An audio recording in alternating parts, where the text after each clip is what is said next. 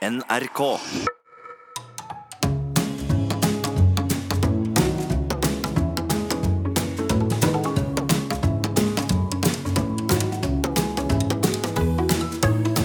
Herregud, det er skjema i alle mulige regnbuensfarger! Jeg blir jo helt svett. Det er jo som et jobbintervju her, da. Ja. Hjertelig velkommen til Sånn er du på P2. Jeg heter Harald Eia, og ved min side har jeg Nils Brenna. Det stemmer. Og i dag, Nils, så har vi fått tak i et menneske som har stått på ønskelisten vår lenge. Og endelig har vi fanget deg i personlighetsgarnet vårt. Et varmt velkommen til deg, forfatter Anne Birkefelt Ragde. Ja. Takk for det. Vi er jo interessert deg, Anne, både uh, pga. det du har fått til. Du er jo en respektert forfatter med en stor produksjon. Er vi oppe i 50 bøker nå? Jeg tror det er litt mer, men da er det med alt Max Mekker på brannstasjonen og sånn. Liksom. Én setning på hver side og sånn. Ja, da. da. er, da er det med rubb og stubb og bøkene om Unni og humorbøkene og alt. Ja. Og du har jo også solgt enormt mye bøker. Du har solgt godt over millionen bare av Berlinerpoplene-trilogien. Og i Ja, tillegg har du I Norge. Bare i Norge. Bare i Norge! og, og samtidig så er jo du den kunstneren jeg har møtt som på en måte er minst kunstneraktig. Skal vi si det, Nils? Ja, Si litt hva du legger i det, så skal jeg se meg enig. Når man hører om en forfatter, så tenker man på et, et plaget menneske. Jeg tenker på sånn Charles Bukowski, som sa Han sa jo at forfattere er fortvilte mennesker, og når de ikke lenger er fortvilte, er de ikke lenger forfattere. Ja, men han skrev jo utelukkende om sin egen fortvilelse, da. Det var Ja. ikke så veldig mye fiksjon der. Men kunstnermyten, altså det, myten om kunstneren, den passer ikke så godt til deg. Eller gjør det kanskje det likevel? det er det vi skal det finne litt- på i dag. Ja, det er det. Og dessuten så er det jo litt sånn Du har jo vært mye ute og vært ute og drukket mye vin og sånne ting, har du ikke Det det? Det er jo det Ja. som har liksom festa seg Ja. hos publikum, da. Hos hvis folk hadde visst hvor lite jeg er på byen, så hadde de sett på trodd at jeg hadde bodd i kloster. Så, eh, Ja, men det det vi skal finne ut i dag. Da, Bedrar skinnet ditt, eller er du sånn som du virker? Altså, Hvor henter du alltid uh, kunst- og romanstoff fra? Hva er det som på en måte hjelper deg i din personlighet, og hva er det som ødelegger for din kunstneriske virksomhet? Det er noe av det vi skal eh, finne ut eh, i dag, Anne. Så la oss se da Anne B. Ragdes score på personlighetstrekket nevrotisisme.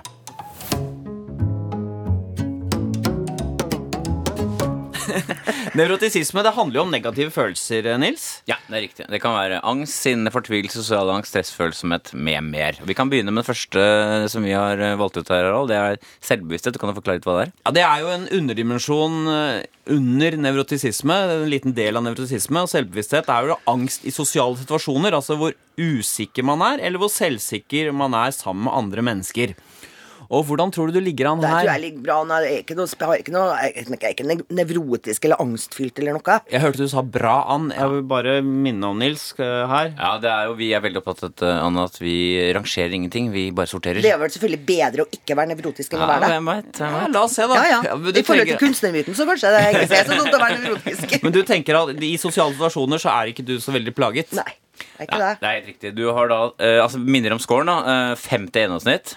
Under 45 begynner å bli lavt, og det går ikke Da ned er man nevrotisk. Det er man ikke. Oh. Og i denne sammenheng. Eh, og så er du da, hvis du er nede, helt nede på 33, som du er, så er du nærmere en sånn 2-3% laveste på sosial okay. angst. Ja, men det kan nok stemme, ja. Så ifølge vår test er du veldig fri sammen med andre mennesker. Fortell litt når du har vært og snakket med tre-fire stykker, og så forlater du de tre. Ja. Eh, hva tenker du da? Tenker du hva, hva syns du om meg? Uff, Nei, det tenker jeg ikke i hele tatt. Hva, hva Og det, alle folk tenker jo De fleste tenker jo sånn når du våkner etter en fest, eksempel. Å, gud, sa jeg det? Og sa jeg det? Jeg jeg er ikke sånn. For jeg tenker at nå ligger alle de andre som var på festen, og tenker sånn, så da trenger ikke jeg å gjøre det. Ja. Fordi de, de, er, de er angstfylt. Og ingen husker hva jeg sa. De er kun opptatt av hva de selv har sagt for noe dumt, eller gjort for noe dumt. Men hva eller, tenker du da, når du tenker på gårsdagen? Hva Da tenker tenker du? jeg jo herlig, herlig party.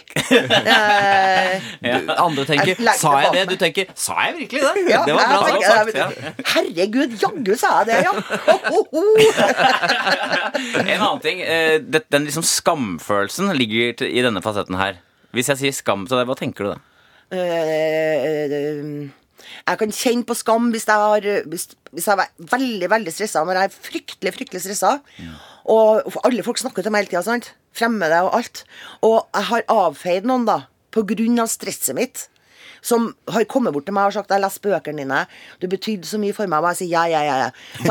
Eh, og da føler jeg dyp skam. Ja, dyp da har, du, da har du oppført deg litt ufint, jeg har oppført meg ufint, for jeg har ikke Det er overload i hodet, sant? Men du har ikke, du har ikke et, eh, et skamblikk på deg selv. Det er jo mye snakk om det i vår tid. ikke sant? At Nei. mange jenter er plaget av andres blikk. Nei. Bedømmende blikk. Nei. Det Men da du var yngre, kan... hadde du mye skamfølelse? Alle unge jenter har- det, og kanskje i dag enda mer enn noen gang. Men hadde du det? Eh, jeg kan ikke huske det. Nei, Det er ærlig å si at du ikke Jeg hadde hadde det. ikke så veldig mye da Nei, men hva skal jeg skamme meg over, da? Nei, ikke. Sånn snakker en som er lav på skamfølelse. Ja. ja er jo Kaste bort energi på sånt. Ja, men det er jo ikke et valg noen har tatt, da. Det er jo ikke sånn 'jeg vil gjerne bruke energien min på å skamme meg'. Det er jo bare Det er en følelse. Jo, jeg tror det er noen som sylter seg i det. Er det, no- er det noen du kom seg. på? Nei, men herregud, folk sylte seg inn å være offer og sånn. Offerrolle. Og, og det er synd på meg, og, og eh, det er klart det er folk som gjør det. Folk lever jo. Folk går jo på Nav pga. det. Ja. Så det er klart mange tar et valg for at du har ikke en alternativ. Ja. Du lager det til din identitet å være sånn, eh, en stakkarslig person og et offer, da. Mm. Og da er det Du har ikke noe alternativ, så du tør ikke å gå ut av det. Tør ikke å bli kurert. Ifølge vår fasit da, så vil eh, enkelte personer som har så lav score som det du har på selvbevissthet, ha noe manglende sensitivitet for andres synspunkter og reaksjoner. Ja, Det kan jo ikke stemme, ja. Hvordan, hva, hva, hva, hva ser du for deg i det nå? Jeg rekker ikke å få med meg, vet du.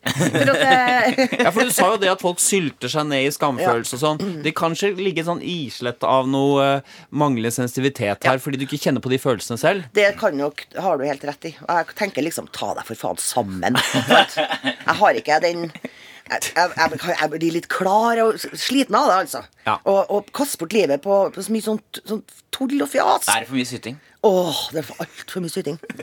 Og da, så det stemmer nok helt. Da har jeg veldig liten sensitivitet. Hvis det er reelle problemer, hvis det er noen som er reelt, da, da slipper jeg alt der inne.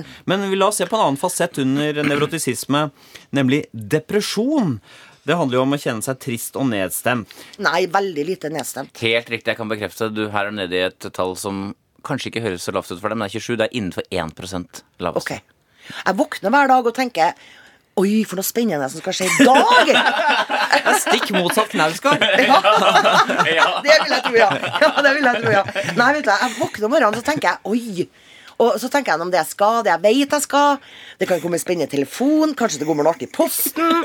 Eh, bok har bestilt som jeg kan flå opp og sette meg og lese. Og, Det er så mange ting å glede seg over. ja, det er det. Men har du aldri kjent på sånn eh, tomhetsfølelse at livet ikke har noe mening? Har den tanken Nei, aldri jeg har vært langt Jeg har vært gjennom tre skilsmisser. Det har ikke vært spesielt sånn festfyrverkeri. Og det å føle på nederlagsfølelse for at du ikke har fått ting til å fungere Men jeg, men jeg har ikke tenkt liksom Jeg tenker alltid at over skyene er himmelen alltid blå. Ja. Jeg tenker alltid det. Ja, disse skilsmissene, tre skilsmisser, er ganske mange i Ja, det har vært noen tøffe tak, jeg Hvor lang tid har det tatt før du har kommet deg over? Uh, nei, nå Nei, noen timer. nei, det er jeg som har valgt det, da. er De tre Ja. gangene. Det har veldig mye å si. Jeg er ikke blitt forlatt. Nei, Det har alt å si. Sånn at eh, Men eh, det, har, det har gått ganske fort. Men har du hatt mye skyldfølelse overfor mannen, mennene dine da? Når du har Nei, jeg har de mista skyldfølelsen når jeg har skilt meg. For jeg har Ja. skilt meg fra dårlig samvittighet. Nei. Også, da er- nettopp fordi skyld, du, du spør, altså Skamfølelsen ligger på det forrige vi snakka om. Skyldfølelsen ligger her. Så Ja. den har du heller ikke noe særlig av. rett og Nei. Fordi at jeg har gjort mitt beste, har jeg følt. Og kan, ingen kan forlange noe mer, liksom. Nei. Så eh, Nei, det har ikke jeg kjent på.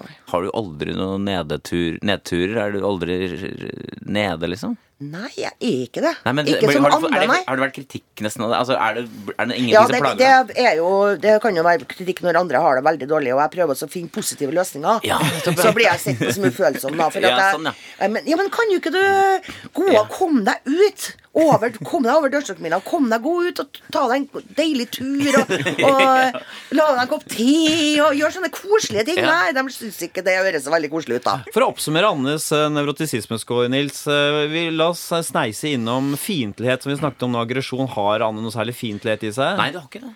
Du har lite agg. Men du, vi skal komme tilbake til andre ting senere som skaper friksjon, men det er ikke agg eller grumset ditt. Nei, ok. Nei, men det var jo endelig godt Ja, så høre. det, det har du ikke. Og så har du jo da også, selv om du av og til blir stressa, så er du ifølge testen meget robust mot stress. Du tåler stress. Ja, jeg tåler stress. Det gir meg Men ikke og det, og til en viss, opp til en viss grense. Ja. Så, så tenker jeg så gir stress meg energi. Jeg skal bare også si at du, angst, som, mange, eh, som man kjenner til som kjent fenomen, da, er også veldig lavt hos deg. Du har lite angst. Du sovner godt om kvelden, stort sett. Ja, jeg sover veldig godt. Er du redd for hva? Tenker du om døden?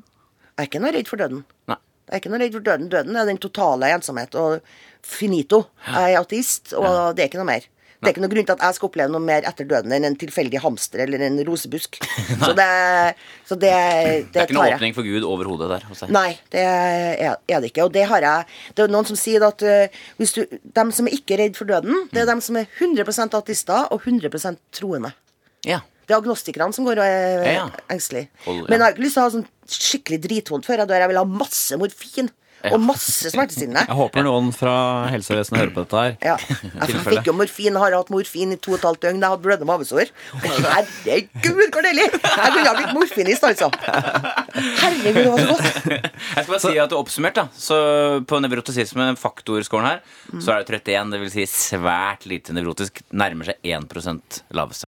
Du er enda mer unevrotisk enn Tore Sagen, som er, har veldig lav score her. Ja, han virker som en lys og lett og glad Ja, person. det skal vi inn på nå, skjønner du. Fordi uh, Tore Sagen er ganske flat når det gjelder positive følelser. Hvordan ligger du an her? Er du en, eh, som Tore Sagen, en flegmatiker? Nei, jeg tror ikke han er en flegmatiker, nei. Ja, vi får nå se. Eller er du en sangviner? Her kommer ja, Anne. det- det- Vi skal finne ut nå, Anne.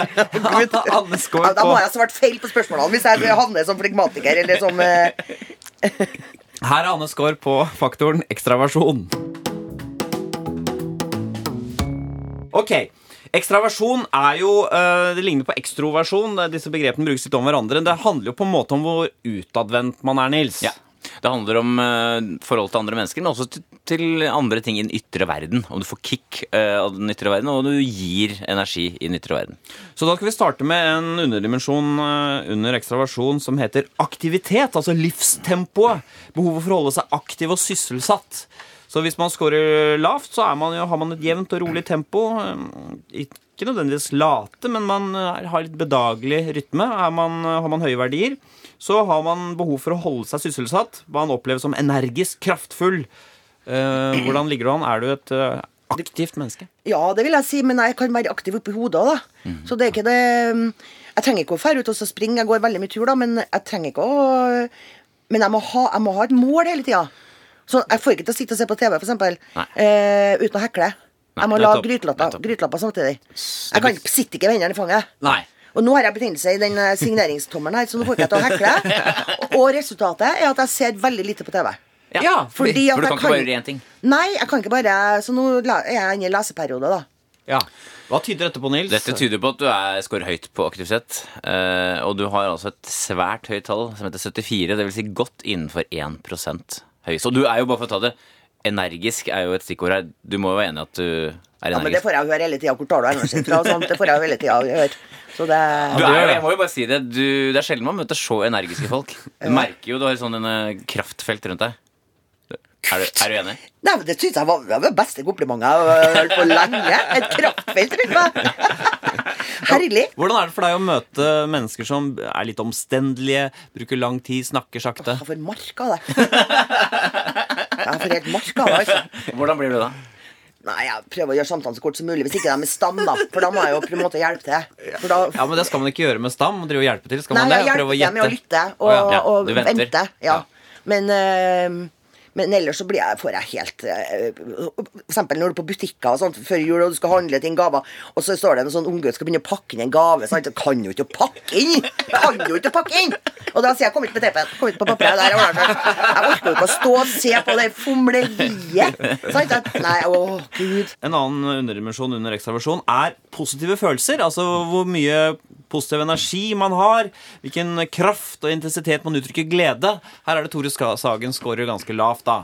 Å ja, Hvordan akkurat. eh, ligger du an her, tror du? Jeg er jo veldig glad, da. Ja, det er riktig. Og eh, Jeg bare avbryter og sier at du er eh, ekstremt høy her også. 72. Innenfor 1 positive følelser. Du er en sangviner. Klokker Ja, sangviner. Ja. igjen. Nei, men jeg kan bli fylt, jeg blir fylt med jubel av uh, de latterligste ting. Jeg holder på med Pokémon. sant, ja? Så finner jeg en ny sjelden Pokémon. Og da må jeg stå liksom helt for meg sjøl sånn og Yes! Sant? Og, så ingen ser meg liksom hvor glad jeg blir. Sånn. Så det kan jeg det, er- det, Men si flere ting som vi kan bli artig å eh, høre. Naturopplevelser. Ja. Eh, lyset over Trondheimsfjorden. Ja. Jeg går mye med hund. Ja. Og eh, opplever sånne småting. Ja. Eh, og det er en veldig morsom hund, som har veldig mye humor. Som, Hva veldig- heter rasen? Eh, Boston Terrier. Ja. Bitte liten. Crazy dramakvinn. For en gave det er å ha den gleden til å, evnen til å glede seg. Ja, det, den har jeg hatt hele livet. Og nå har jeg jo fått eh, barnebarn som er fire år. Sånn, ja, når vi går i skogen og bruker jo to timer på 100 meter, sant? for vi drar og kikker på alt. Sant? Ja, og fryder oss over alt. Og da er jeg endelig har jeg fått en lekekamerat som er i min verden der, altså. Ja. Å gå og pusle i det små der og se alt og fascineres av maur og rare ting som vokser, og, lukt på det, og, og holde på med det. Og, det, og lyder. Å, hva var det? Og, sagt, og, og, og endelig har jeg fått en lekekamerat. Jeg ville gjerne hatt en sånn liten kjempelenge. da Var det sånn at du, da du ble ungdom og sånn, at du var den snåle fordi du alltid var så blid og full av piff? Jeg må ta meg sammen litt av og til når folk var veldig sånn Ja. Sånn uh, nede rundt meg. Sånn da jeg var student. Sånn, folk leste eksamen og var helt, helt ferdig og hadde dårlig råd og var helt ferdig. Og så sier jeg det var masse godt du kan lage av hodekål og potet, og, og folk ble lei av det. sant Så da måtte jeg jo ta meg sammen og være litt ja, huff. ofte fæle været og blakk er vi jo eksamen snart, og ja, huff og huff. Så gikk jeg inn til meg sjøl og bare tenkte yes, jeg var ferdig med den dekninga for i dag. kan jeg være meg sjøl igjen. På en skala fra 1 til 10, hvor lykkelig er du, tenker du? Jeg, jeg vil si at det er en tier, jeg, altså. Ja, du vil si det? Ja. Oi, hvordan, Fortell hvordan en tier har det, da. Nei, men jeg går rundt med en sånn glede i meg. Ja. Og så er det det også at uh, jeg blir liksom gladere og gladere jo eldre jeg blir. Ja. Og nå er jeg nettopp blitt 60 og bor i en deilig leilighet. Jeg har et deilig barnebarn. Sønn og svigerdatter. Eh, jeg er selvstendig økonomisk. Eh, Bor i Trondheim? og bor i Trondheim. Ja, bare det! Ja. Åh, vet du, Når jeg lander på Værnes og så sitter på flybussen, så før den første tunnelen så er det noen sånne små sånne holmer ute til høyre. Ja. Jeg kan få Tårene kan stå i øynene på meg av lykken. jeg ser dem. Enda jeg bare har vært borte kanskje to-tre dager, altså. Så tenker jeg hjem, jeg er hjemme. Åh, det er så Er det sånn, er det, du høres jo så glad ut som nest, Er det sånn nesten kan bli slitsomt å være så glad, eller? Jeg blir ikke sliten av meg sjøl, nei. Nei. Nei, det blir ikke jeg. Jeg snakker veldig mye med meg sjøl. Mm. Gjør du? Ja, snakker høyt når jeg er alene hjemme og sånn. Hva kan det være? Det er liksom Herregud, klarte du det der? Det går an! Jaggu klarte det! Og velte et eller annet, og snakke høyt, kjefte på meg sjøl, og, og så kan jeg tenke noe, og så sier jeg høyt Ja, det var farsken meg, det var en god idé. Det gjør du. En annen underdimensjon under ekstraversjon er sosiabilitet. Altså i hvilken grad personer søker og foretrekker andre selskap fremfor å være seg selv. Altså Behovet for sosialt samspill. Mye Får du energi av det sosiale, eller, eller bruker du opp energien din? din? kan tappe meg, det kan tappe meg ganske mye. Fordi, det, det er et interessant funn her, fordi at du har jo bare ekstraordinære trekk, bortsett fra dette med sosialiteten, som er lav. 30. Tydelig lav på sosialitet, som heter. Ja, jeg elsker å være alene. Ja. Elsker Det er det. det det tyder, tallet tyder på det at det Hvor lenge kunne du vært alene? Ukevis. Månedsvis, kanskje. Er det sant? Ja, jeg tror for det, Hvis du har så lavt tall som det er 30, så kan det stemme bra. Ja, fordi at jeg har, jeg har det så artig med meg sjøl. Jeg tenker på så mye artig. Og så sitter jeg ja. Og så kan jeg bare sitte liksom i lavstolen min og tenke Hva skal jeg tenke på nå? Skal jeg tenke på noe artig? Og så kommer jeg på noe, og så sitter jeg og flirer over meg sjøl. Og... Men er det sånn, Hvis du skal lage liste med folk du liker sammen så kommer du selv veldig høyt opp på den lista? Ja, det vil jeg si. Ja. Absolutt. Og så har jeg også, også, og, det som er deilig å være utlandet, hvor ikke jeg blir gjenkjent på gata, og sånn, Mm. å ha den der indre monologen med meg sjøl. Indre dialogen med meg sjøl. Mm. Sånn som hun Elaine i, i, i Seinfeld. Hvis Ja, dere husker, ja, ja, hele tida snakka sånn inni. Akkurat sånn har jeg det. Og jeg kan stå og smile og snakke til noen, og så sier jeg høyt inni meg sjøl 'faen, for en teit sekk du er', og enn å si noe så dumt, og, og 'ja, sier du det', og så jeg har det der, og da har jeg det så artig. For jeg, det, jeg har den der stemmen, altså. Altså, du, du er noe så interessant, Anne, som et asosialt ekstrovert menneske. Ja, det kan nok stemme. Så du gir masse energi, men, men store selskaper er ikke noe for deg. Eh, Jo, jo, jo. Jeg Ja, kan jo synes det er artig, det òg, da. Ja. Men jeg vil ikke være noe midtpunkt eller noe sånt, sånt på sånne forfattermiddager i utlandet. Da skal det være masse andre artige folk der, og Mm. sånn så give and take, liksom. Men det som gjør det enda mer nyansert, er jo at du har også veldig høy skår på det som et ekstraart vare. Men det betyr at du har uh, veldig kort vei til sånn nærhet og inderlighet også med andre mennesker. Så det betyr at du, de nære venninnene dine vil nok oppleve deg som veldig nær, gå ut fra. Ja, vi har veldig nære relasjoner, ja. Så, så små det. selskaper passer jo sånn sett da Ja. til en sånn person. Ja. ja.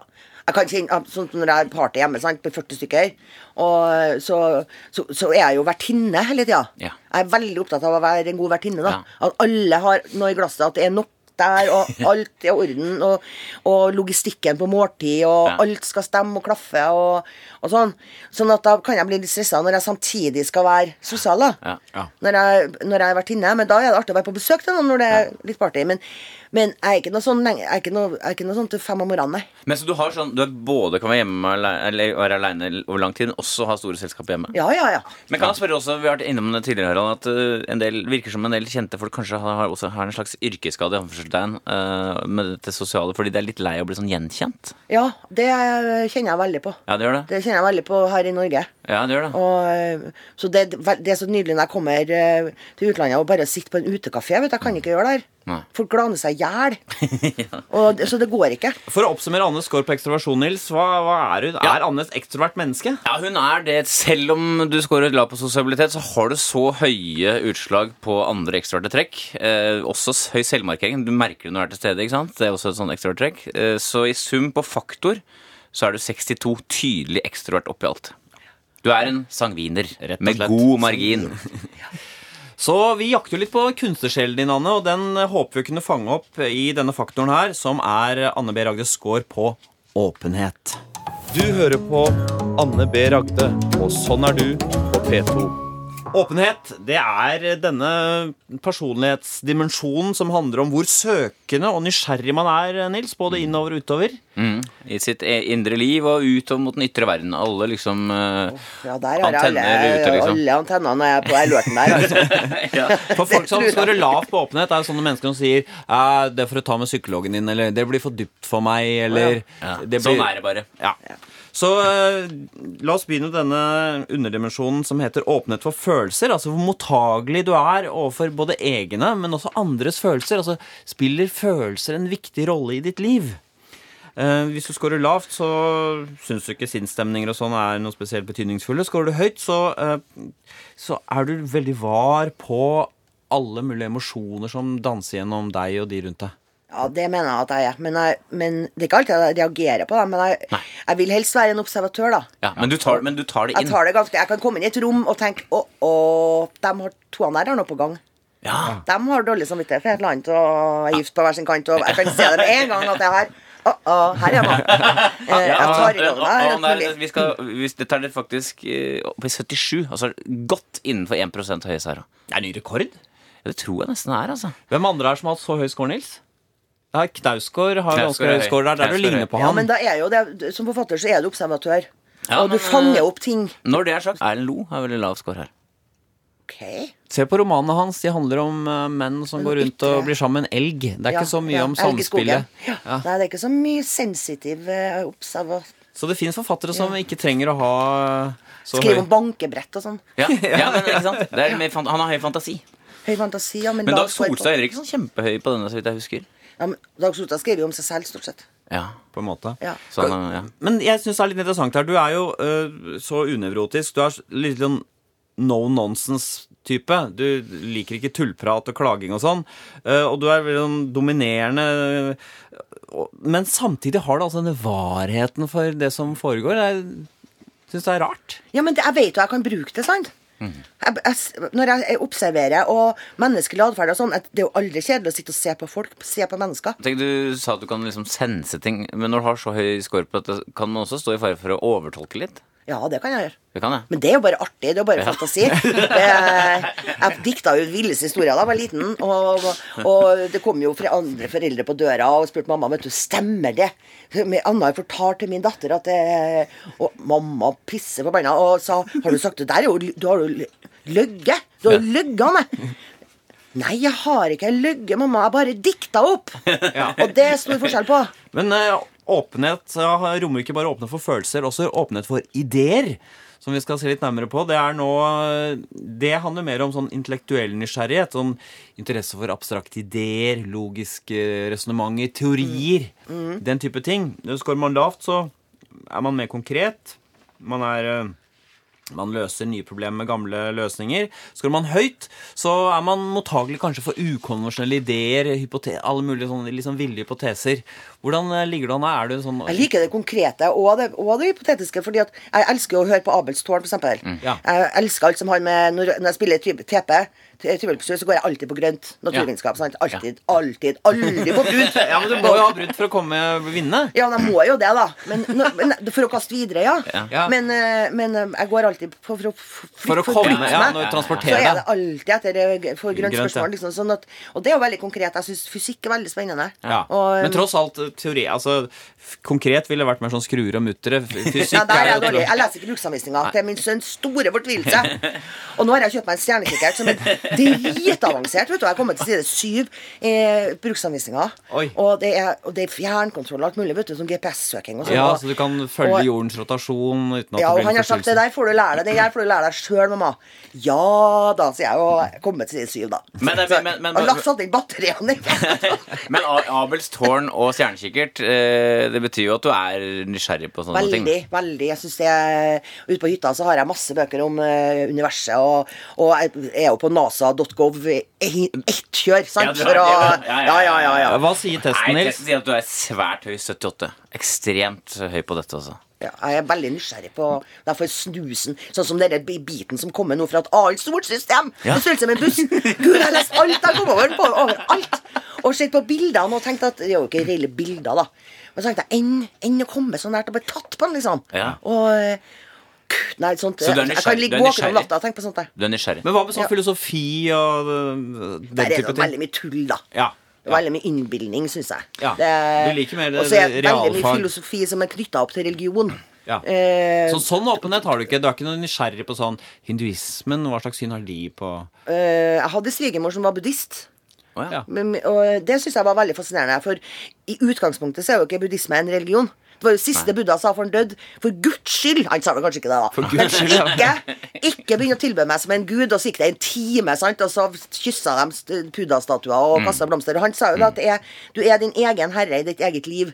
Du skal være god og snill. Hakkebakkeloven. Mm. Perfekt han. Og da og så ble det gudstilbedelse likevel. De ser på han som en gud. Men den ordentlige buddhismen den er jo ikke sånn. Mm. Nei. Det er jo livsvisdom. Så buddhismen Kloke passerer, da, men ikke hinduismen og kristendommen? Nei, eh, kristendommen, Bibelen, syns jeg er fantastisk. Jeg Ja, har jo? Bibel. Ja, så og er har åpen for Ikke ting? troen, nei, men Nei, Bibelen som et skrift. Ja. Så du har lest Bibelen hele, eller? Hæ? Har du lest hele Bibelen? Nei, det har jeg ikke gjort. Nei. Men jeg, jeg er sånn opptatt av at det som ikke er Bibelen, som det som var fjerna på kirkemøtet, og Ja, ja. spore opp Thomas-evangeliet, og hva sto der? Liksom? Han var jo en bølle, han var liten, og, og sånne ting. Og hva som er fjerna, og at det her er storpolitikk, sant? Ja. Det som står i Bibelen, det er det som er igjen etter storpolitiske beslutninger. Og det syns jeg er spennende. Sånne ting synes jeg er spennende. Hva med matematikk, eller Geometri Ja? syns jeg er veldig artig. Ja. Og statistikk. For det er Ja. konkrete ting. Men geometri syns jeg er fabelaktig artig, for der er det så ryddig. Ja. Ja. Og det er så oversiktlig. Og det enten er det en 90-gradersvinkel, eller så er han 120 eller 60. liksom Det er, Ja. Mm. noe, det er ikke noe tvil. Og, men vi hadde jo en lærer da som fortalte at eh, det gikk ikke an å konstruere en 20-gradersvinkel. Og da tenkte jeg det skal jeg hjem og gjøre.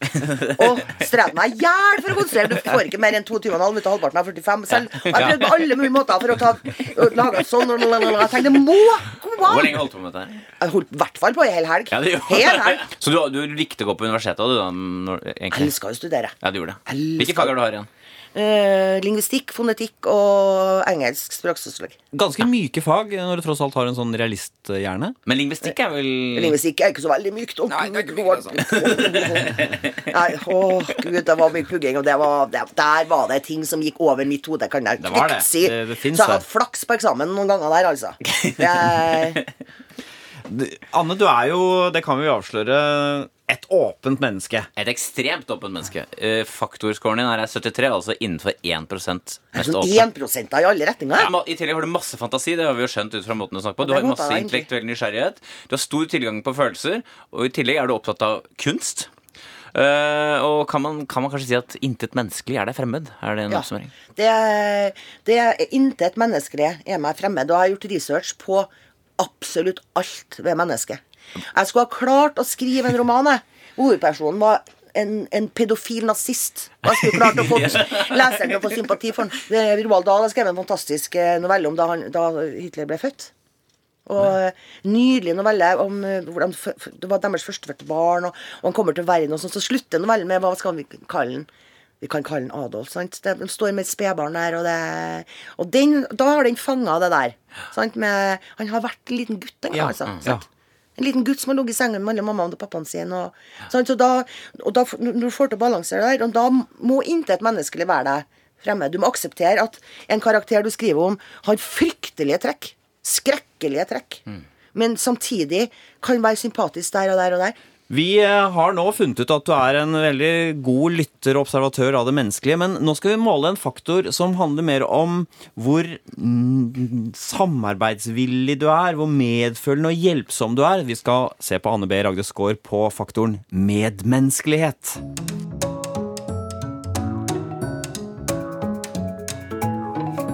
Medmenneskelighet det handler jo om relasjonen med andre, Nils. Mm. Vi pleier å oppsummere kort med om du møter andre mennesker med åpne armer eller med piggene ute, egentlig. Oppstår det konflikter, eller glir du som en sølv, kvikksølvkule i det sosiale? Vi begynner med tillit. Det er en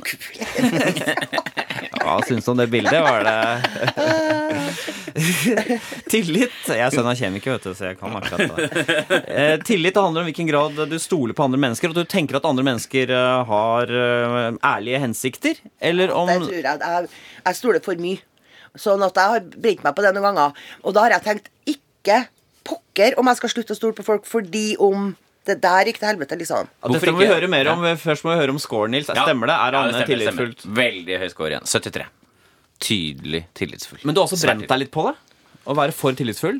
Ja, eh, stolt på folk, og så har de liksom eh, Nei, pengespørsmål og sånn. Hva har gjort folk lånt penger av det der? Ja, nei, jeg hadde et fransk forlag som var oppførte seg veldig Som løy meg rett opp i ansiktet og sånn. Og da blir jeg Som ikke har, selvfølgelig ikke har lenger nå. Da blir jeg, da blir jeg litt sånn Han altså løyet meg rett. Sett meg i øynene og løyet, liksom. Ja. Og svindler penger fra meg. Og da, og da føler jeg meg som en sånn godtroende fjols, men jeg vil fortsette å være det, da. Men hvorfor Ja. vil du fortsette å ha samme godtroende? Nei, for jeg vil ikke være noe, eh, et menneske som tror vondt om andre. Hvorfor ikke? Eh, nei, for da, det, da mister jeg liksom litt av fundamentet for å tro på alle mennesker. Det, er all, alt rundt meg, da. Mm. Det, det er min livsinnstilling at folk er å stole på. Litt stort spørsmål, men tror du på menneskeheten? Ja, det gjør jeg. Ja, det gjør jeg. Så du tror jeg du tror at mennesket er født godt. Men tror du også at mennesker løser klimakriser og sånt? Ja, men kanskje i siste liten. Ja, men du tror Og så tror jeg man løser, man løser det veldig ja. ulikt, veldig ulikt på forskjellige steder av kloden. Ja. Jeg kan jo si at min tro på menneskeheten har fått seg en knekk med en Trump. Ja. Kan, det kan man trygt si. Men du er ikke så redd for han, på en måte? Nei, jeg er ikke så redd for han, for jeg tror at han er blitt Han er sett på som en idiot. Og jeg tror det at det er bygd opp et apparat Jeg tror det er så mye hemmelighold nå. I forhold til Trump, hva de, eh, Det er kriseplaner, og det er, det er Han er pakka inn i vatt, den mannen. Folk vi har møtt, Nils, som scorer lavt her, f.eks. Jon Almås. Mm. han forteller at når eh, folk sier til han 'du er flink', så tror han de ikke mener det. De sier for å oppnå noe, de bare smisker, et eller annet sånn. De, han, han mistror Hva når folk kommer bort til deg og sier et eller annet positivt? Da tenker du at de, Da, da er det jo, Når de kommer og sier noe positivt til meg, så er det eksempel her i Trondheim. Så sier de jeg er så glad for at du er så stor i kjeften og sier fra. Det kan være en sånn byggeplan og alt mulig. sånt. Så sier jeg bare sånn at her er jeg glad vanvidd. Og, og jeg trenger ikke å ta noen politiske hensyn og sånn. Og da sier folk at jeg er så glad, fortsett å være sånn. Da blir jeg glad. Ja, jeg De tenker ikke at det er noe snisk, eller at de ikke mener at Nei, for det ser jeg da at jeg mener. Ja. Og jeg tenker, kan jo tenke inni meg sjøl Kanskje du kan skrive et ord i fritt innlegg, du òg, da. Ikke bare meg som skal liksom banne i kirka og skrike høyt hele tida. Så det går an kanskje å skrive et lite innlegg, da. Ja. Eh, Hva stemmer du? Du er ganske kravstor med at folk skal ta tak i sitt eget liv og sånn. jeg er jo da, vet du. Ja, det er det kan ikke jeg, selvfølgelig. Du tar jo ansvar for deg sjøl. Har du alltid stemt Høyre, eller? Ja. Det har jeg alltid. Kommer du fra Nei, jeg har ikke alltid gjort det. Nei. Jeg stemte SV en gang pga. barnehagepolitikken. Ja. Og så stemte jeg Venstre. Det har jeg stemt mye. Ja. Ja. Så du stemmer ikke Arbeiderpartiet, da? Aldri. Hva er det du har Jeg imot tror- Arbeiderpartiet? Eh, det Mora mi har fått inn med morsmerka. Mamma hater Arbeiderpartiet. Hater Men er det også noe med holdningen? At det er litt sånn si puter under armene på folk? Ja, det er litt det der med at alt skal være likt for alle, liksom. Ja, okay, det er eh, at alle skal presses inn i den idealtida. Og Mm. det, det, at ikke det skal være noe i hver ende. Det skal bare være liksom grått og likedan. Det, Mm. Ja, men, men er det sånn riktig? Er, vil, har Arbeiderpartiet skapt et Ikke nå lenger er det ikke Arbeiderpartiet sånn. Nei. Nå er jo Arbeiderpartiet Høyre, nesten. Og, men, eh, men før liksom at det skulle være likt for alle og alle for én og sånn. Nei, jeg ser ikke noe Det grunn kollektive er det du ikke orker? Det jeg, der, jeg betaler jo 54 skatt, så jeg betaler jo virkelig til kollektiv Jeg kunne ha laga meg AS for lenge siden, jeg, og, ja. og, og, og, og styra og ordna. Men jeg gjør ikke det. Jeg betaler 54% skatt til fellesskapet, til veier og sykehus og alt mulig. Men jeg syns det er råttent at jeg skal betale så forbanna mye skatt fordi at jeg jobber så forbanna mye. Ja, Det syns jeg. Og, så det syns jeg er urettferdig. Nettopp. Så Det det er er de som Jeg syns 54 er for mye. Ja. At jeg skal ha igjen 46 kroner av hver hundrings jeg jobber for, det syns jeg er uetisk, rett og slett. Hva tenker du om sånn innvandring og innvandringspolitikk og sånne ting? Gud, skal vi ha et eget program om det, da? Kort. Nei, jeg, der er jeg, jeg er for, for å hjelpe flyktninger. Men ikke alle disse unge guttene som kommer bare som lykkejegere. Og som ser ut som de er 40 og så sier de er 15. eh, og det er jo knapt nok ei jente som kommer. Nei. Og de jentene som kommer, det er jo ekte flyktninger. For at de Ja. har virkelig Men alle de unge lykkejegerne, nei. Kommer med dyre mobiler og Nei takk. En annen eh, fasett under medmenneskelighet er føyelighet. Det handler om er, man, er du defensiv eller konfronterende i konflikt med andre mennesker. Nei, Jeg er ganske konfronterende. jeg tror ikke jeg skal være veldig defensiv. Nei, du er lav på 38, du er lav på følgelighet, ja. Ja. Så du Ja, Der kunne jeg kanskje ha skjerpa meg litt, da. Hvilke situasjoner er du havner i, eksempel? Nei, det er som jeg snakka om før, når folk ikke gjør jobben sin og er generelt teit. Og, og Ja. åh, kan, Det er greit nok at du syns det, men hva gjør du da? Nei, men Det kan jo være alt fra diskusjoner med skattekontoret til Ja, for da, da, regler da står du i det i- med skattekontoret. Da, da, da, Jeg står, i, jeg står i alt. Men så er det av og til så er det en liten stemme inni meg som sier 'velg dine krigerne Anne. Ja. Er det verdt det? Er det verdt det? Men det er ikke ofte den stemmen vinner. Gidder du å skrive et langt brev til Forbrukerombudet? Gidder du å bruke energi på det her? Og, og, og, nei, svaret- det gidder ikke. Ja, Du gjør ikke det alltid, nei. Da, og da tenker jeg ok, der tapte jeg 1500 kroner. Ferdig. Ferdig. Mm. For eksempel hvis jeg får parkeringsbot, og jeg mener at jeg ikke hadde grunn til å ta det, så, så, eh, så jeg betaler den før jeg har fått av meg yttertøyet. For å få det bak, legge det bak meg. For å få det ut av systemet, rett og slett. Men er du, er du, vil du gå så langt som å si at du er en kranglefant? Nei, det Nei, det er ikke. Nei, det er ikke. Men det- Da søker du jo negative ting. Ja, for det er ikke sånn at du får Sånn var jo Kristoffer Joner. Ja, han har jo så mye annet ja, han oppsøker krangler. Ja. Hvis han ser at det er noen diskusjoner i krangel, så går han dit. Men, snus, Men dem. Men forskjellen på det er jo bare for å ta det Er jo at han har masse sånn agg i tillegg. Det, Ja. Du har ikke så mye agg. Nei. Du bare står hardt i, i, i friksjon. Ja, hvis jeg har, mener at jeg har rett, ja. Ja. Du er Så er det ikke, da gir ikke jeg meg. Da er jeg som en pitbull og slipper ikke. Men hvordan blir det konflikten i konflikter hvis du skal få en sånn følelse? Veldig tunnelsyn. Veldig fokus. Begynner å formulere meg i hodet og eh, oh, Ja. Tenk på det, Du har tre ekteskap og tre skilsmisser. Har den lave føyeligheten din vært med Og selvfølgelig har han det. Ja. Selvfølgelig har den det. Og så pluss at jeg har en sånn ekstrem hukommelse for samtaler mange år tilbake. sant? Ja, du husker alt. Jeg husker alt! Alt! Og da har jeg kunnet si Ja, men du sa det. Når sa jeg det? Du sa det i fjor, rett etter jul i fjor, og da sa du sånn og sånn og sånn, og jeg svarte sånn og sånn, og du sa det og det og det. Og det klart eh, For en dårlig hukommelse er en god venn i I ekteskapet. ekteskapet. Jeg, dårlig hukommelse er en veldig god venn. Men er det sånn, du kan ha sånn, du kan ha sånn at du tenker sånn Det der, det glemmer jeg ikke. Nei, det er sånn hevnaktig. Ja, Det er du ikke.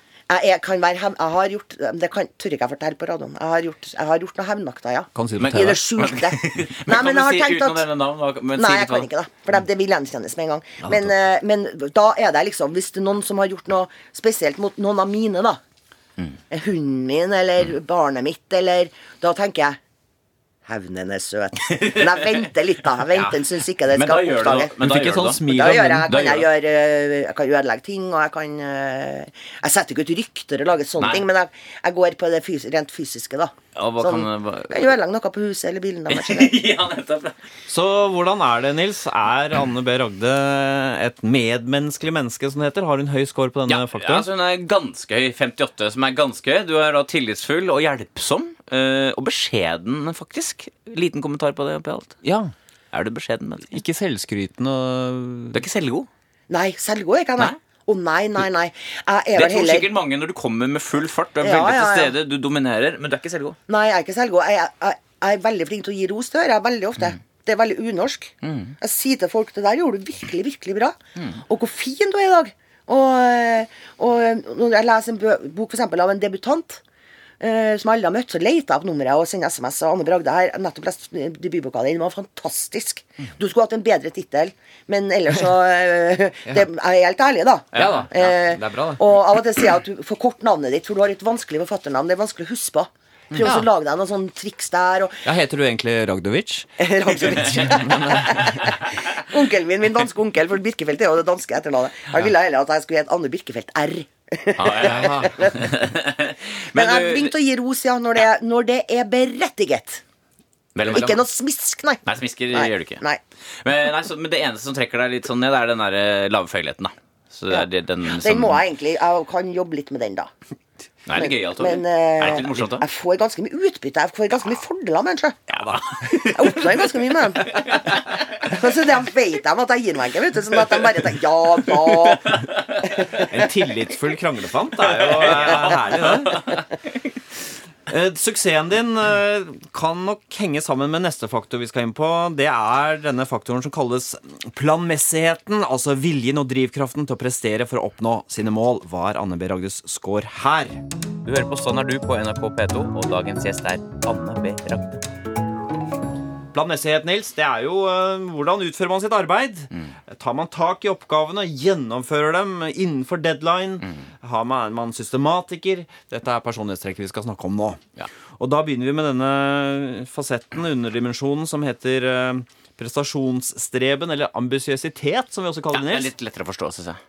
I hvilken grad du er opptatt av å uh, måtte bli best og få til å være best i det du gjør.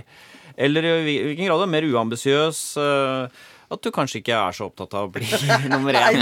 Sagen-brødrene er jo uambisiøse, f.eks. Det er riktig. Ok. Ja. Så det betyr ikke at du ikke får til ting når du er uambisiøs. Det bare Ja. betyr ikke Bare at det bli sånn. Ja, på Bare bli suksess, liksom. Ja. Ok. Ja.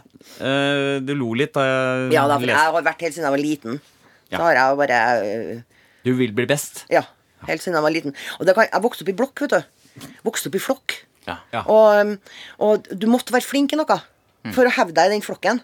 Og noen var flinke til å bite sant, når du slåss, og noen var flinke til å, å, å treffe ting. Og, og, og, og jeg fant jo veldig fort ut at jeg var flink til å, å lyge og fortelle dikte opp historier og sånn. Ja. Og- I valg mellom bite og slåss. eh, Ja, du jeg måtte jo, du må hevne deg i noe, da. Ja.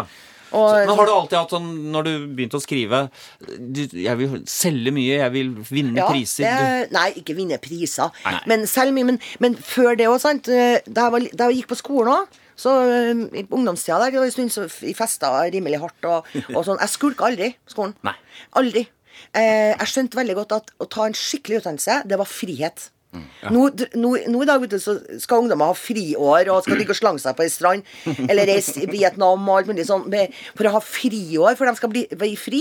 Og så er det motsatte som er tilfellet. Ja. Hvis du tar en utdannelse, så blir du fri. Da Ja. står du med hele verden for dine føtter etter en, hvis du tar en skikkelig utdannelse. Og da er det ikke nok å være middelmådig. Det er 400 middelmådige søkere på hver jobb. Du må være dritgod i det du velger. Og du må velge en utdannelse som ikke alle sammen tar òg. Du må finne en nisje, altså. Hva ville du valgt i dag? Nei, hva ville jeg valgt i dag? Jeg skulle jo bli veterinær i sin tid, men det skar seg jo med matten. Men, men eh, jeg er veldig glad i fly. Jeg kunne tenkt meg å være jordmor og ta imot levende liv. Jeg har en tremenning som er jordmor, og det er en fantastisk jobb. Så, Jeg skal bare smette inn med å si at uh, tallet er 70, altså svært høyt. Du er tydelig ambisiøs. Ja, det kommer ikke som noe overraskelse. Jeg ville ha blitt veldig overraska av at ikke ja, det var Men hva, Fortell litt om når du skriver bøker. Er du, hvilke mål er det du på en måte setter deg da? Er det antall solgte bøker? Er Nei, det, du, det gjør jeg etter jeg er ferdig å skrive. Ja. Mens jeg skriver, så tenker ikke jeg Nei, da skal du bare lage best mulig. Ja, ja, ja, da er jeg bare helt inni. Da er jeg ikke forretningskvinne eller markedsstyrt. Husk på, Hvis jeg hadde vært spekulativ og markedsstyrt, så hadde jeg selvfølgelig skrevet nummer fire rett etter nummer tre. Eh, Istedenfor tok jeg et litterært harakiri med å skrive en eh, erotisk bok om en journalist i Adresseavisa. Eh, og hele forlaget lå jo bare det går an, sant. Men eh, for at da var ikke jeg Da var ikke, da hadde ikke jeg den boka i hodet. Så det Så, så jeg, men boka er konge. Manuset er konge, Ja, og skrivinga er konge, og ingenting annet. Og da tenk, men det øyeblikket jeg er ferdig, og, og den er antatt, da skifter jeg hatt. Da er jeg nådeløs. Da er jeg forretningskvinne. da Men skal du skulle- selge. Ja, da skal jeg selge, og da skal jeg ha gode avtaler. Da sitter jeg med råvaren til en svær industri. jeg. Eier råvaren til trykkerier, bokhandlere, nettbokhandlere, forlag, illustratører, omslagsdesignere, trans sjåførene som kjører bøker rundt. Alt. Det- er jeg som sitter med råvaren, og det er jeg meg bevisst på. Det er noe befriende ved både deg og din gode venn Unni Lindell at dere er sånn konkurransemennesker på, Mm. i det litterære. Hvor det er sjelden at folk er helt åpne. Det er mer sånn skjult. Gud, vi har gått rundt på bokhandla og trukket fram når vi var helt ukjent, og fjerna bestselgerne og satt på regna foran og sprunget rundt på bokhandler sånn som det der. Ja, guri meg. Vi vil jo, det handler jo om å nå fram til lesere. Ja. Du vil jo nå fram til lesere. Du kan ikke sitte med sånn telepatisk De må nesten få fatt i boka, da. Men det er mange forfattere som er litt mer sånn De er konkurransemennesker, men de er litt mer sånn passiv-aggressive. du, jeg hører noen som sier liksom at Nei, det betyr ikke så mye for meg å selge mange bøker. Eh, Thomas Espedal var jo sånn en lang periode. Ja. Så på det som, eh, som noe nedverdigende. Hvis Ja. noen skulle plutselig begynne å kjøpe bøkene hans og sånn. Nå har jo pipa fått en annen lyd, da, for nå har han jo solgt ganske bra. Så nå må han unnskylde seg for det. Men jeg syns det, det er så dumt. Jeg må spørre en annen ting, fordi at Hvis man er så, har så høy score på dette, her, så kan det også bety at man jobber veldig mye. Ja, det gjør jeg når jeg skriver. Tar overhånd, eh, går på bekostning av Ja, er familie, fritid, venner. Ja, men det er derfor jeg ikke er gift, vet du. Ah, ja. For jeg hadde jo Jeg var jo Da var jeg jo naga av dårlig samvittighet. Ja, okay. Mens jeg skrev. Oh, ja. Og var, og var i bobla mi i flere måneder. gikk og Nei, nei, jeg rømte jo på hytta og sånn, da. Men, og så er det det når du kommer tilbake, når du kommer ut av den skrivebobla, så forventer jeg en ektemann at du snapper tilbake til virkeligheten over natta. Og det, det tar i tid, det der. Men Kan ikke du beskrive i en sånn bobletid eh, Hvordan ser de arbeidsdagene ut? da? Hvor mye jobber du da? Står det, opp det om hodet jeg jobber hele tida. Jeg Ja. drømmer om dialoger, og jeg, drømmer, jeg får ikke noe Søvn gir ingen hvile. Kun alkohol gir hvile. Sier du det? Ingen hvile med søvn eller noe. Så en sånn uke, da, da står, la oss si det står opp en mandag. Da, hva gjør du da? Hvor tidlig står du opp? Nei, Det kommer an på hvor, hvor, hvor jeg er i handlingen. Det. Kanskje jeg nettopp lagt meg på morgenen. Ah, ok. Så det går Så du jobber 17, 18, 19, 20 Ja, timer? ja, ja. Det er bare søvn og dusj meg og Og hvor lenge kan en sånn periode være, da? Den kan stå på. Jeg tar, nå tar jeg pauser, for jeg ble jo syk av det. Ja. Og nå har jeg jo barnebarn, sånn at jeg er nødt til å ut og møte han. Og han, han er den eneste som kan bryte inn i Men snakker vi dager eller uker eller måneder? uker. Ja. Og det har også vært måneder Ja. tidligere, men det, blir, det er jeg for gammel til nå. Ekstrem situasjon. Ja, det blir ekstremt. Blødende mavesår og alt mulig sånt. Det orker ikke jeg noe mer. Og det orker ikke familien min noe mer heller. Men da er det en helt monoman uh, Hele hjernen er på Jeg skulle gjerne ha sett en sånn hjerneskann av hjernen min da, altså. Det kobler bort andre ting. Ja. Og hvis, hvis telefonen ringer, så husker ikke jeg hva man Jeg kan si takk for maten, altså. Det, det, jeg vet ikke hva man sier. Jeg er ikke på, jeg er ikke på øh, den bølgelengden i det hele tatt. Det er ganske skremmende. Men du, du får jo gjort ting, da. Og da skriver jeg sånn på flyt at jeg, at jeg dagen etter kan lese det jeg skrev. Jeg husker ikke at jeg har skrevet det. Kan da skrives bare noe? Nei, det har ikke jeg. Du har så mye der inne. Det, det, Det skal være ut? Ja, det er skulle ønske at kunne skrive fortere. Med at ja. mekanisk Og gud, jeg skulle ønske at jeg hadde sånne elektroder som jeg fiksa til hjernen. Så bare kunne For jeg har boka så klar, liksom. Så må jeg sitte mekaniske der med fingrene. Flaskehalsen som fingeren er. Ja. Så du har, du har boka klar du når du begynner å skrive, nesten? Ja, begynnelsen og slutten og har ribbeverket, da. Ja, Så må jeg fylle inn i alle rutene. En annen eh, fasett under planmessighet er betenksomhet. Det er altså evnen til å ta konsekvensanalyser. Tenke gjennom tingene eh, når man tar beslutninger. Skårer du lavt, så tar du ofte forhastede beslutninger. Du gjør litt sånn ting uten å tenke helt igjennom. Skårer du høyt, så er du da ettertenksom, ikke sant? Tenker deg om før du sier noe, og gjør noe. Hvordan er det Veldig her? lav på den scoren her, tror jeg. Det er riktig. Ja. 39. Tydelig lav. Tydelig lav. Har du, har du, har du gjort mye dumt? Ja, det har jeg. Men jeg har gjort mye artig òg. Og, eh, og jeg tar beslutninga ganske så kjapt, ja. For at Hvis du hadde hatt høy score, da, så ville du vært, så kunne du vært omstendelig. Det er du ja. ikke. Jeg er ikke omstendelig. Hva tenker du om omstendelighet? Åh, Dilling. Gjør ting bare, liksom. Jeg vil bare få gjort det. Heller gjøre noe, Og så se hvordan det går. Ja. Ja. Og det, det her går nok kan nok til helvete. Jeg var på hytta nettopp nå, hele bakken er sånn kjempebratt bakke. Opp til hytta mi. Virkelig, virkelig. Jeg påstår det er 60 men sønnen min sier det er 30 bare. Men det kan jeg forstå med mine geometriske evner. Ja. Men, eh, og den var glasert. Den var glasert. Ja. Og, eh, og, og så har jeg en veldig tung bil, så jeg, jeg kommer meg opp av firehjulstrekk og pigg og alt sånt. Ja. Og så hadde jeg to liter med havsalt som jeg skvetta på litt her og der, som en sånn ankerfester, da. Her og der, for jeg tenkte da får jeg dekke der, og får jeg dekket der. Og jeg visste at jeg ville aldri komme ned igjen. For da ville jeg seile he he. Men så tenkte jeg innen jeg skal ned igjen i bakken, så har jeg sikkert fått noen til å strø. Ja. For jeg orka ikke å bære opp all bagasjen.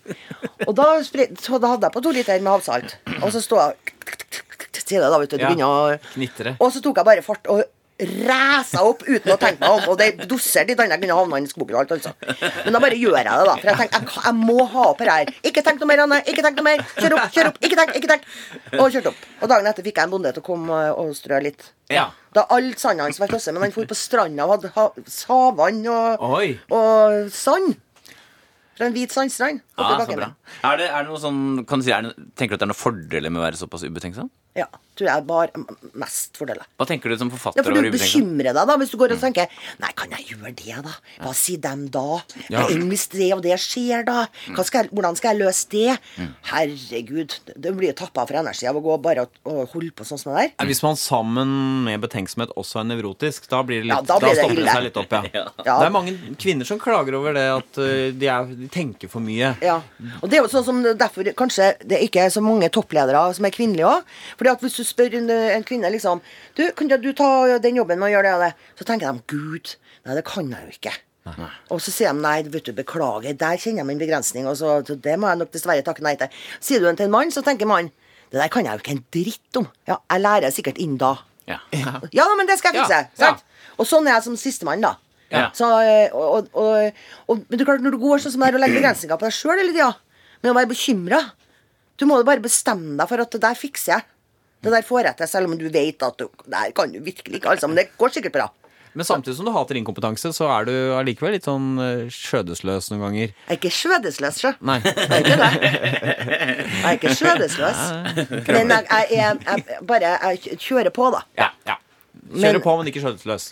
Ja. Ja. Det er en nyanse, er det ene, det. Det hender at du har sagt ting, f.eks. kritisert et eller annet i samfunnet, og så kommer noen og sier sånn Du, eh, du har ikke satt deg ordentlig inn i sakene. Tenk litt nøyere igjennom. Hvilke konsekvenser det kan Ja, det er mannen, men det er en hersketeknikk av det. Ja. Så dem avslører jeg tvert. og det er ingen vits å komme og si til meg der. Har du noen gang følt deg underlegen?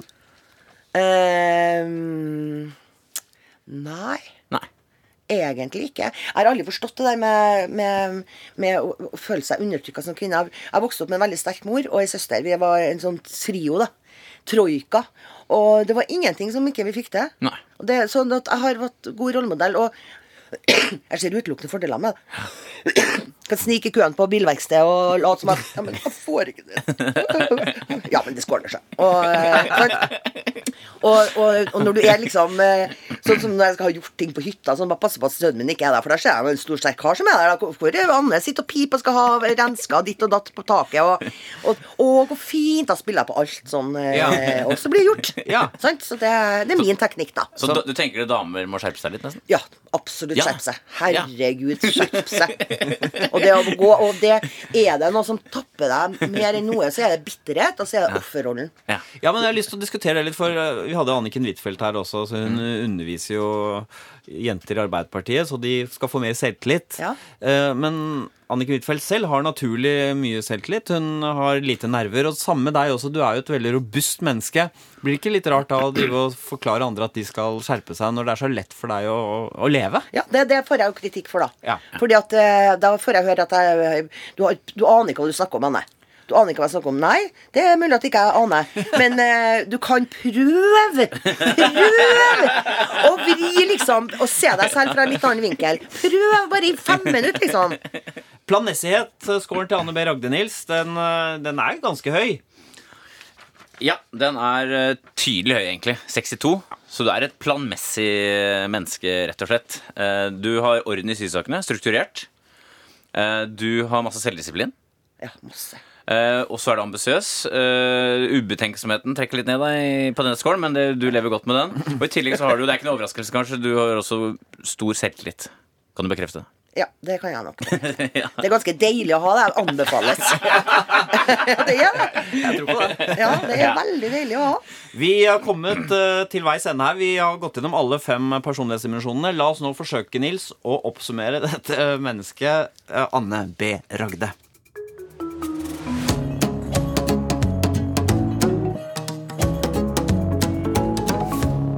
Anne, det har jo vært en, eh, en fest å gå gjennom personlighetstrekkene dine. Eh, Nils, hva, livet virker veldig lett for, eh, for Anne. Det er vel et eh, typisk eh, lett og lystig sinn vi har hatt her i Ikke når jeg jobber. Ikke når du jobber. Ikke når jeg jobber. Men Men, ellers men men ute i verden, ja. hvor du av og til beveger deg. ja. Vi var jo litt på jakt etter hvordan du har blitt så vellykket kunstner. Eh, all den tid du virker som en sånn eh, ukomplisert og gladlaks. Men, og vi har vel på en måte fanget litt opp her. Du er for det første uhyre arbeidsom og målbevisst. da. Og så har du denne åpenheten. Du har disse du, Ørene dine er enorme. Eh, I overført betydning. Uh, og så har du da denne åpenhet for følelser som er veldig sentral, som gjør at du på en måte kompenserer for dine manglende Uh, mangler nevroser, så kan du på en måte få Ja. dem allikevel. Ja. Er det noe du ville ha forandret ved deg selv? Noe du ville ha justert litt på? Når vi har gått gjennom alt her? Ja, og ikke være øh, At mine venner kan få lov å ha meg som, som containerkapasitet. Jeg har ikke kommet med løsninger. Det prøver jeg hele tida. Ja, For du ser så løsningene med en ja, gang. men jeg ser dem med én gang. og, og så er det ikke derfor de betror seg til meg. sant? Det er for å rett og slett bare få få snakka om det. Og, og det må, jeg- må bite meg i tunga altså, for ikke å øh, Det er liksom Åh. For av og til så ser jeg det er så små justeringer som skal til. Slik som når det er sånn dill og så og syt og bære. Ja, men så gjør hun på det, da. Så finn en annen måte å gjøre det på. Eller selg den bilen, da. Hvis ikke du Eller flytt, da. Eh, skift jobb. Si opp jobben din. Sånn, det, gjør, gjør noe, da. Istedenfor bare å gå og så klage over at det er sånn og sånn og sånn. Good lord. Så da må jeg ta meg på tak, det, det skulle jeg gjerne ha forandra på. At jeg er sånn eh, For da, også, da svarer vi ja, det er så lett for deg, Anne, sier de. Ja. Sant? Men det er jo ikke lettere for meg. Jo, jeg bare gjør det. Det er litt lettere for deg. Det er, lettere for deg. Er det ikke lettere? Jo, det er er kanskje lettere. Det er lettere for Ja, det er lettere for meg. Anne B. Ragde, en blid, ukomplisert, gøyal eh, kranglefant med kunstnerskinn. Tusen takk for at du kom, tusen takk for at du delte deg med oss. Tusen takk for at dere tok eh, turen til Trondheim.